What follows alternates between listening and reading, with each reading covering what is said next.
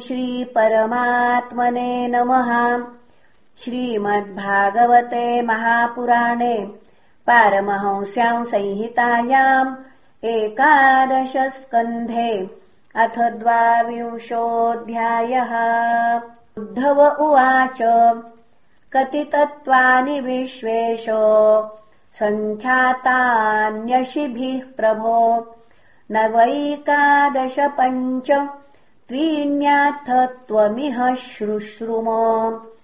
केचित् षड्विंशतिम् प्राहुरपरे पञ्चविंशतिम् सप्तैके नवषट् केचिच्चत्वार्येकादशापरे केचित् सप्तदश प्राहु षोडशैके त्रयोदश।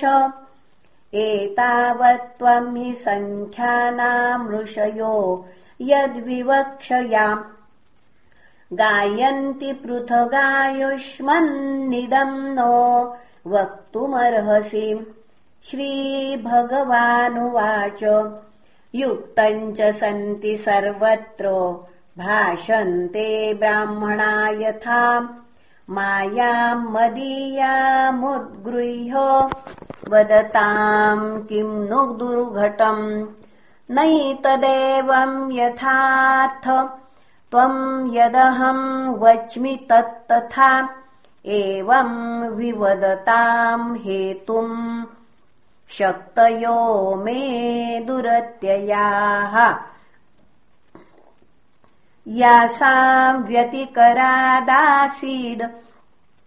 विकल्पो वदताम् पदम् प्राप्ते शमदमेऽप्येति वादस्तमनुशाम्यति। परस्परानुप्रवेशात् तत्त्वानाम् पुरुषर्षभो। पौर्वापर्यप्रसङ्ख्यानम् यथा वक्तुर्विवक्षितम् एकस्मिन्नपि दृश्यन्ते प्रविष्टानि तत्राणि च। पूर्वस्मिन् वा परस्मिन् वा तत्त्वे तत्त्वानि सर्वशः। पौर्वापर्यमतोमीषाम् प्रसङ्ख्यानमभीप्सताम्। यथा विविक्तम् यद्वक्त्रम्। गृह्णीमो युक्तिसम्भवात्। अनाद्यविद्यायुक्तस्य पुरुषस्यात्मवेदनम् स्वतो न सम्भवादन्यस्तत्त्वज्ञो ज्ञानदो भवेत्।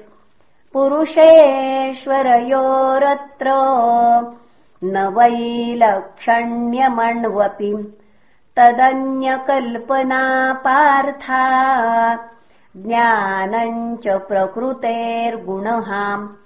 प्रकृतिर्गुणसाम्यम् वै प्रकृतेर्नात्मनो गुणाः सत्त्वम् रजस्तम इति स्थित्युत्पत्त्यन्तहेतवहाम् सत्त्वम् ज्ञानम् रजः कर्म तमो ज्ञानमिहोच्यते गुणव्यतिकरः काल स्वभाव सूत्रमेव च पुरुषः प्रकृतिर्व्यक्त।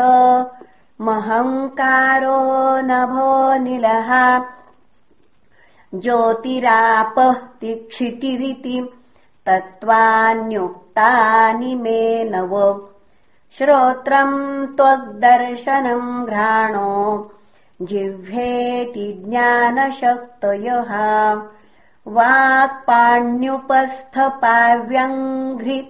कर्माण्यङ्गोभयम् मनः। शब्दस्पर्शो रसो गन्धो रूपम् चेत्यर्थजातयः। गत्युत्स्युत्सर्गशिल्पानि कर्मायतनसिद्धयः। सर्गादौ प्रकृतिर्ह्यस्य कार्यकारणरूपिणी सत्त्वादिभिर्गुणैर्धत्ते। पुरुषो व्यक्त ईक्षते। व्यक्तादयो विकुर्वाणा धातवः पुरुषे क्षयाम्। लब्धवीर्या सृजन्त्यण्डम् संहताः प्रकृतेर्बलात्। सप्तैव धातव इति तत्रार्था पञ्चखादयः ज्ञानमात्मो भयाधारस्ततो देहेन्द्रियासवः। षडित्यत्रापि भूतानि पञ्चषष्ठः परः पुमान् तैर्युक्तः आत्मसम्भूतैः सृष्ट्वेदम् समुपाविशत् चत्वार्ये वेति तत्रापि तेजः आपोन्नमात्मनः। जातानि तैरिदम् जातम् जन्मावयविनः खलु। सङ्ख्याने सप्तदशके भूतमात्रेन्द्रियाणि च।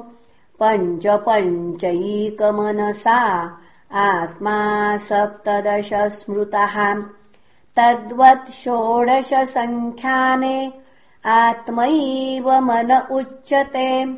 भूतेन्द्रियाणि पञ्चैव। मन आत्मा त्रयोदश एकादशत्व आत्मासौ। महाभूतेन्द्रियाणि च। अष्टौ प्रकृतयश्चैव। पुरुषश्च तवेत्यथ इति नानाप्रसङ्ख्यानम् तत्त्वानाम् ऋषिभिः कृतम् सर्वम् न्याय्यम् युक्तिमत्वाद् विदुषाम् किमशोभनम्। उद्धव उवाच प्रकृतिः पुरुषश्चोभौ यद्यप्यात्मविलक्षणौ अन्योन्यापाश्रयात् कृष्ण। दृश्यते नभिदातयोः। प्रकृतौ लक्ष्यते ह्यात्मा। प्रकृतिश्च तथात्मनि। एवम् मे पुण्डरीकाक्षो। महान्तम् संशयम् हृदि। छेत्तुमर्हसि सर्वज्ञ वचोभिर्नयनैपुणैः तत्त्वत्तो ज्ञानम् हि जीवानाम् प्रमोशस्तेऽत्र शक्तितः त्वमेव ह्यात्ममायाया गतिम् वेत्थ न चापरः श्रीभगवानुवाच। प्रकृतिः पुरुषश्चेति विकल्पः पुरुषर्षभ एष वैकारिकः सर्गो गुणव्यतिकरात्मकः। ममाङ्गमाया गुणमय्यनेकधा। विकल्पबुद्धिश्च गुणैर्विधत्ते। वैकारिकस्त्रिविधोऽध्यात्ममेक। मथाधिदैवमधिभूतमन्यत दृग्रूपमार्कम् वपुरत्र रन्ध्रे परस्परम् सिध्यति य स्वतः खे। आत्मा यदेषामपरो य आद्य। स्वयानुभूत्याखिलसिद्धसिद्धिः। एवम् त्वगादिश्रवणादिचक्षुर्जिह्वादि नासादि च चित्तयुक्तम् योऽसौ गुणक्षोभकृतो विकार। प्रधानमूलान्महतः प्रसूत। पुनः प्रधानमूलान्महतः प्रसूतः। अहम् त्रिवृन्मोह विकल्पहेतुर्वैकारिक स्तामस ऐन्द्रियश्च आत्मा परिज्ञानमयो विवादो पुनः आत्मा परिज्ञानमयो विवादो ह्यस्तीति नास्तीति भिदार्थनिष्ठः। व्यर्थोऽपि नैवो परमेत पुंसाम् मत्तः परावृत्तधियाम् स्वलोकात्। उद्धव उवाच त्वत्तः परावृतधिय स्वकृतै कर्मभिः प्रभो उच्चावचान्यथा देहान् गृह्णन्ति विसृजन्ति च तन्ममाख्याहि गोविन्द दुर्विभाव्यमनात्मभिः न ह्येतत्प्रायशो लोके विद्वांसः सन्ति वञ्चिताः श्रीभगवानुवाच। मनः कर्ममयम् नृणामिन्द्रियैः पञ्चभिर्युतम्। लोकाल्लोकम् प्रयात्यन्यः। आत्मा तदनुवर्तते। ध्यायन्मनोऽनुविषयान् दृष्टान् वानुश्रुतानथो उद्यत्सीदत्कर्मतन्त्रम् स्मृतिस्तदनुशाम्यति विषयाभिनिवेशेन आत्मानम् यत्स्मरेत् पुनः। जन्तोर्वै कस्यचिद्धेतोर्मृत्युरन्त्यन्तविस्मृतिः जन्मत्वात्मतया पुंस सर्वभावेन भूरिद। विषयस्वीकृतिम् प्राहुर्यथा स्वप्रमनोरथ। पुनः विषयस्वीकृतिम् प्राहुर्यथा स्वप्नमनोरथः। स्वप्नम् मनोरथम् चेत्थम् प्राक्तनम् न स्मरत्यसौ। तत्र पूर्वमिवात्मानमपूर्वम् चानुपश्यति।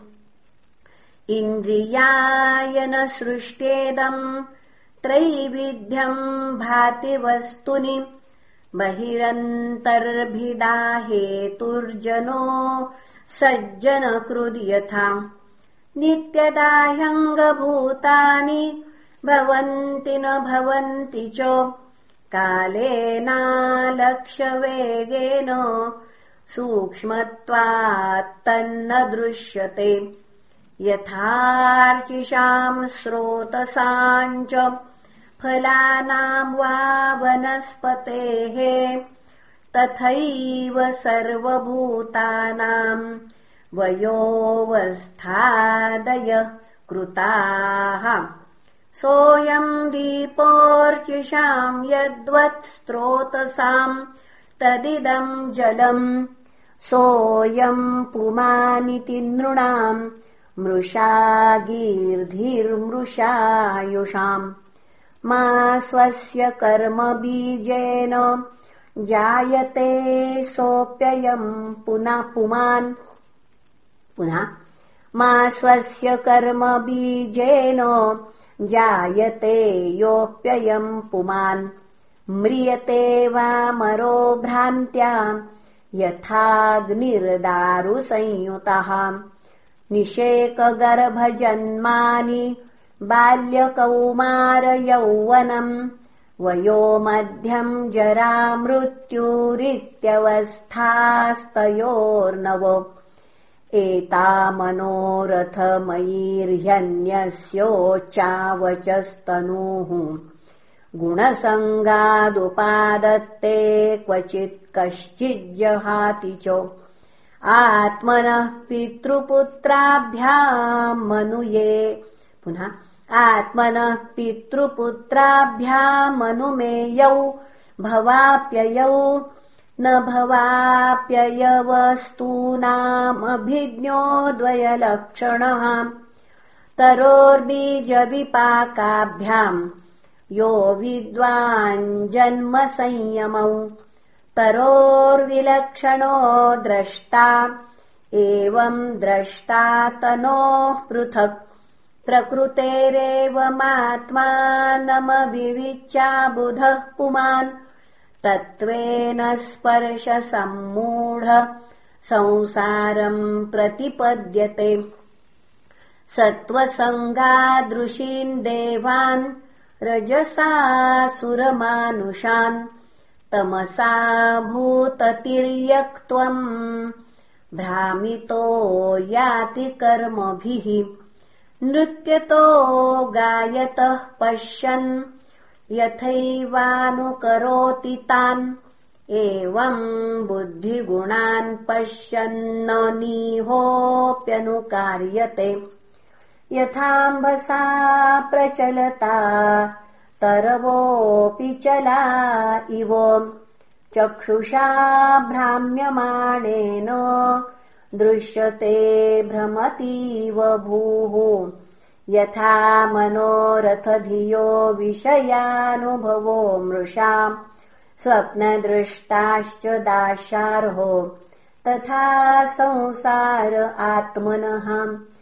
अर्थे ह्यविद्यमानेऽपि संसृतिर्न निवर्तते। ध्यायतो विषयान्यस्य स्वप्नेनर्थागमो यथा। पुनः ध्यायतो विषयान्नस्य स्वप्नेनर्थागमो यथा। तस्मादुद्धवमाभुङ्क्षो विषयानसदिन्द्रियैः आत्मा ग्रहणनिर्भातम् पश्य वैकल्पिकम् भ्रमम् क्षिप्तोऽवमानितो सद्भि प्रलब्धोऽसूयितोऽथवा ताडितः सन्निबद्धो वा वृत्त्या वा परिहापितः निष्ठितो मोत्रितो वाज्ञैर्बहुधैवम् प्रकम्पितः श्रेयस्कामः कृच्छ्रगत आत्मनात्मानमुद्धरेत। उद्धव उवाच यथैवमनुबुद्धेयम् वदनो वदताम् वर सुदुःसहमिमम् मन्ये आत्मन्यसदतिक्रमम् विदुषामपि विश्वात्मन् प्रकृतिर्हि बलीयसी। ऋते त्वद्धर्मनिरस्तान् शान्तांस्ते चरणालयान् इति श्रीमद्भागवते महापुराणे पारमहंस्याम् संहितायाम् एकादशस्कन्धे द्वाविंशोऽध्यायः श्रीकृष्णार्पणमस्तु। हरये नमः हरये नमः हरये